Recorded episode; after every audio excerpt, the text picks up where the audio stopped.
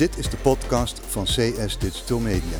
Een programma waarin actuele ontwikkelingen op het terrein van digitale technologie, digitale marketing en digital out of home centraal staan.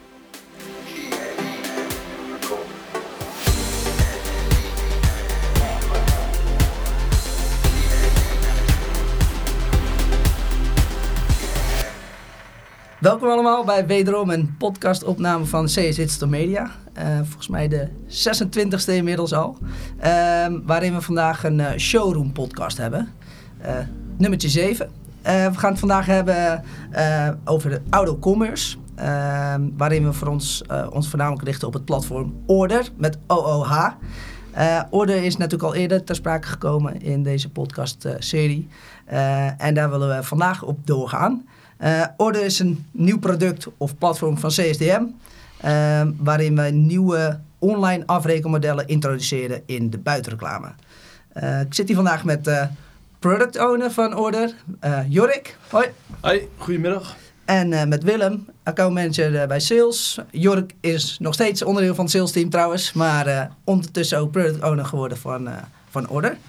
Ehm, in de vorige podcast waarin we dit onderwerp hebben uh, behandeld, uh, hebben we voornamelijk een uh, inzicht gegeven over de ontwikkeling van het product Order.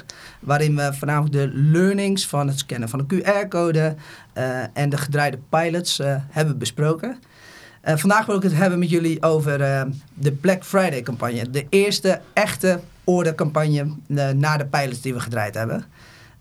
waarin we hebben gekozen voor een online afrekenmodel CPS, Cost per Sale. Dit is weer een ander model als wat we hebben gedraaid in de pilots. Um, ik wil graag uh, bij jou beginnen, Jorik. Um, zou je een korte introductie willen geven van de ordercampagne Black Friday? Zeker. Um, voor, om order verder te ontwikkelen zijn we gaan kijken waar uh, we nog meer orderboards voor kunnen maken. Uh, en daarin is het voor ons heel belangrijk geweest om te bedenken wanneer een consument nou een QR-code gaat scannen. Wat is nou interessant voor een consument? Uh, dus ga je kijken naar momenten waar de koopintentie uh, hoger ligt. Mm -hmm. nou, dat is bij Black Friday uiteraard het geval. Mensen zijn al heel bewust en weten dat er goede aanbiedingen aan gaan, ko gaan komen. Ja. Dus uh, daar zijn we op in gaan spelen door een bord te maken... waarin je eigenlijk in één overzicht verschillende acties van adverteerders te zien kreeg. Dus je zag gewoon een bord met daarop de kortingen die gingen lopen gedurende de week van Black Friday...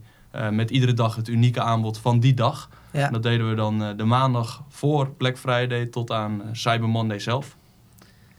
Oké, en waarom heb jij gekozen voor het prijsmodel CPS in dit geval? Ja, we hebben um, in dit geval gezegd van we gaan op CPS afrekenen. En dat is eigenlijk tweeledig. We wilden graag zien hoe ons eigen verkeer kwalitatief was.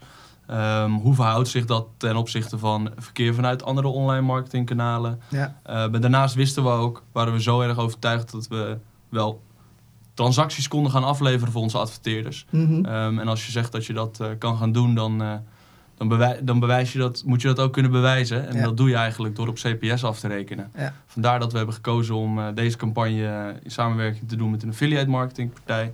Zodat we tot aan de transactie kunnen doormeten en de adverteerders ook kunnen belonen.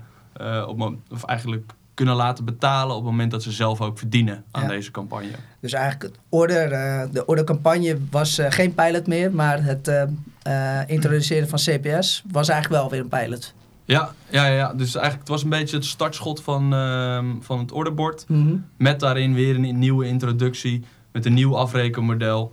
Uh, omdat wij ook moeten gaan kijken wat nou het beste afrekenmodel voor dit platform is. Ja. Um, en nu heb je gewoon gezien dat je extreem hoge brandingwaarde kan leveren voor een adverteerder.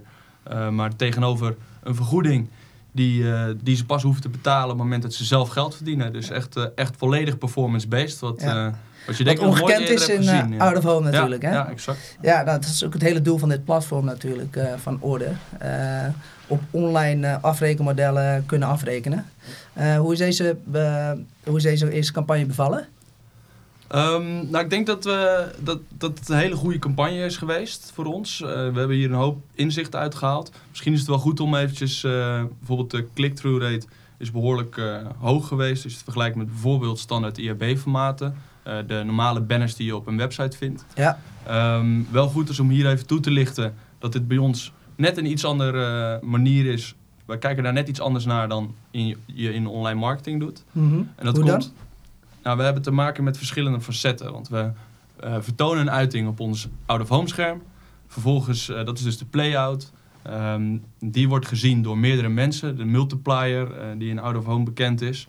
Eh, dus dan krijg je een view en een dot. Mhm. Ehm, en vervolgens moet iemand gaan scannen. En dan pas krijg je eigenlijk de impressie op, de order, op het orderplatform. Ja, vanaf de scan pas. Precies. Ja. En daar moet nog doorgeklikt worden. Terwijl als je in online marketing kijkt, dan heb je een banner en dat is gelijk een impressie.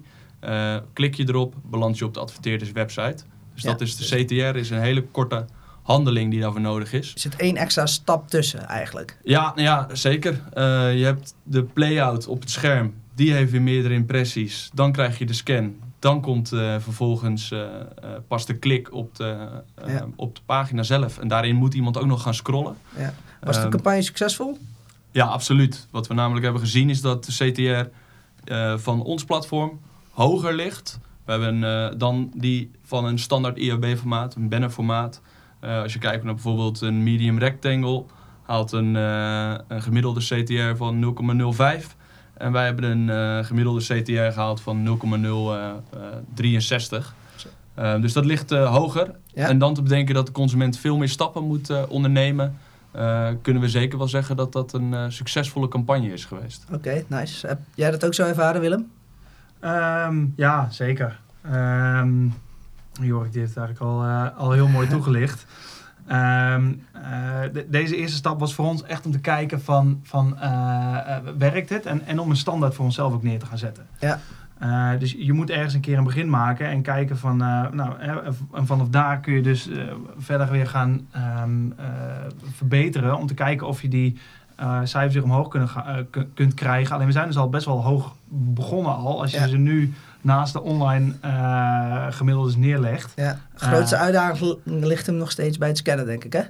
Ja, dat, is, dat is gewoon een drempel. Dat, Ja. is, dat is gewoon een drempel. Alleen wat je Maar dus als ze wel eenmaal terugziet- zover zijn... Nou ja, goed, wat je dus terug ziet. Kijk, het is een drempel, maar op het moment dat je hem dus over bent, dan ga je dus heel kwalitatief verkeer afleveren. Mhm. Want mensen die je dus aflevert op een website, dat zijn dus mensen die al in het openbaar hè, de stap hebben gezet om een QR-code te En scannen. ze doen het heel bewust. Ja, en dat zie je dus ook weer terug in je, in je conversieratio's. Ja. Die gewoon een stuk hoger liggen. Waar we hebben in, in sommige branches eh, de 9% over gaan.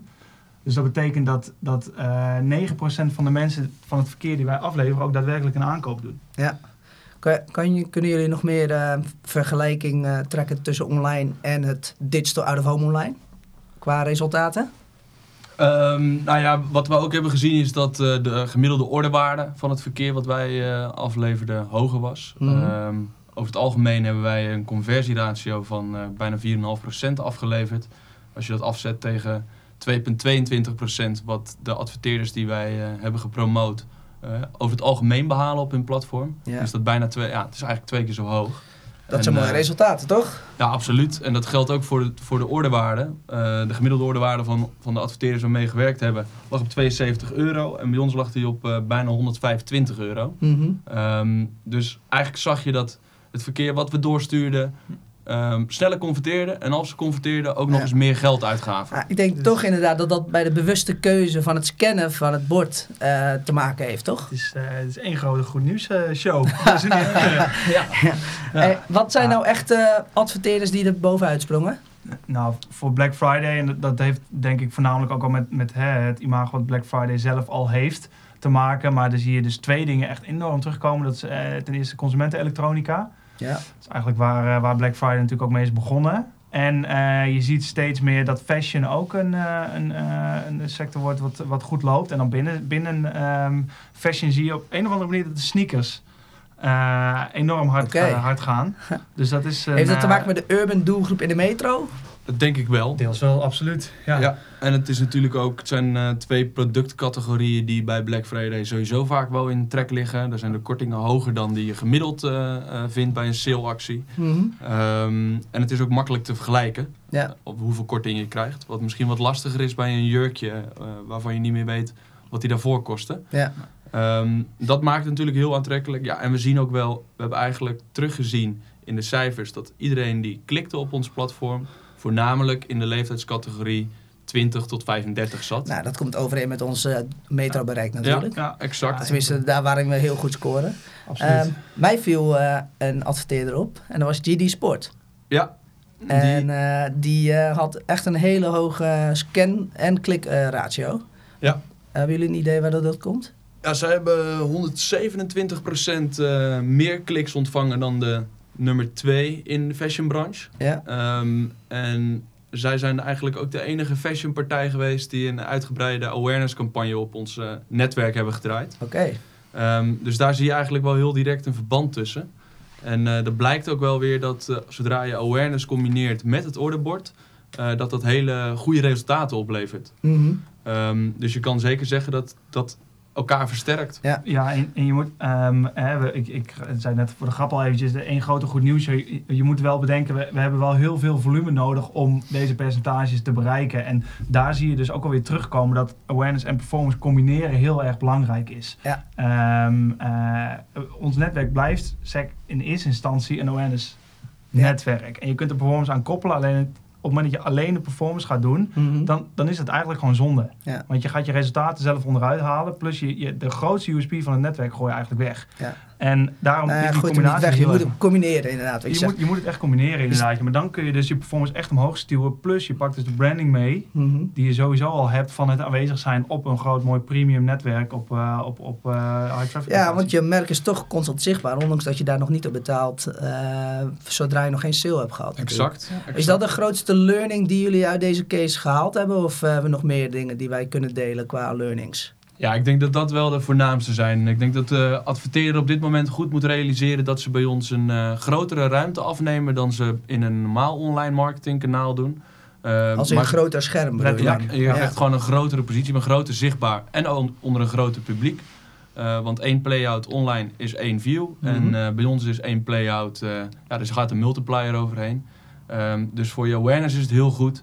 Maar als je dan resultaat krijgt, dan is dat ook nog eens van een eh, hogere kwaliteit dan dat je in een gemiddeld online marketingkanaal ziet. Oké. Wat zijn de vervolgstappen nu voor het volgende orderbord? Onze, onze marketingkalender eh, uitrollen hè. Ja, dus goed, ja. voornamelijk thematisch, toch? Begreep ik van jullie. Ja, ja, ja, daar zijn we wel. eh, kijk, Black Friday is natuurlijk het perfecte voorbeeld van een thematisch orderbord. Die kun je ook echt maar één week draaien. Ja. Hè? En op Cyber Monday moet je hem, eh, die- kun je dan nog meepakken en daarna, daarna is het echt klaar. En dan is de koopintentie heel erg hoog. Maar goed, gedurende het jaar zijn er natuurlijk heel veel van dit soort. Eh, eh, Inhakers eigenlijk, ja, toch? commerciële inhakers natuurlijk al wel bedacht door, door de commerciële wereld, zodat iedereen eh, weer eventjes gaat uitgeven. Maar goed, dus daar zijn we wel naar aan het kijken. Maar je kunt aan de onderkant natuurlijk ook wel Een stroom hebben lopen. een stroom hebben lopen van producten wat eigenlijk over het hele jaar wel relevant is. Dus er zijn meerdere opties. Nou, gaaf. Oké, nou ik denk dat we daardoor ook weer voldoende input hebben om in januari eh, een vervolg eh, aan deze podcast te geven. Ja. Waarin we dus weer een eh, update gaan geven over eh auto-commerce. En dan waarschijnlijk ook wel weer gericht op het platform Order. Ja. Eh, hebben jullie nog wat toe te voegen voor vandaag? Nou, mocht er een adverteerder zijn die eh, nu denkt van hier wil ik graag mee samenwerken, eh, neem dan vooral contact met ons op. Ja. En dan eh, kunnen we kijken of we een mooie positie voor jullie kunnen inruimen in ons orderbord. Heel goed. Oké, nou wil ik jullie bedanken voor jullie komst. Ja, bedankt. Jij bedankt. En eh, we spreken elkaar. Hoi. Hoi hoi. Dit was de podcast van CS Digital Media. De uitzending is terug te beluisteren op CSDM Online, op de social media kanalen van CSDM, maar ook op acht audioplatforms, waaronder iTunes, Spotify en Soundcloud. De CSDM podcast is een productie van CS Digital Media. De mix en master worden verzorgd door Young Ruby Music. Music. Music.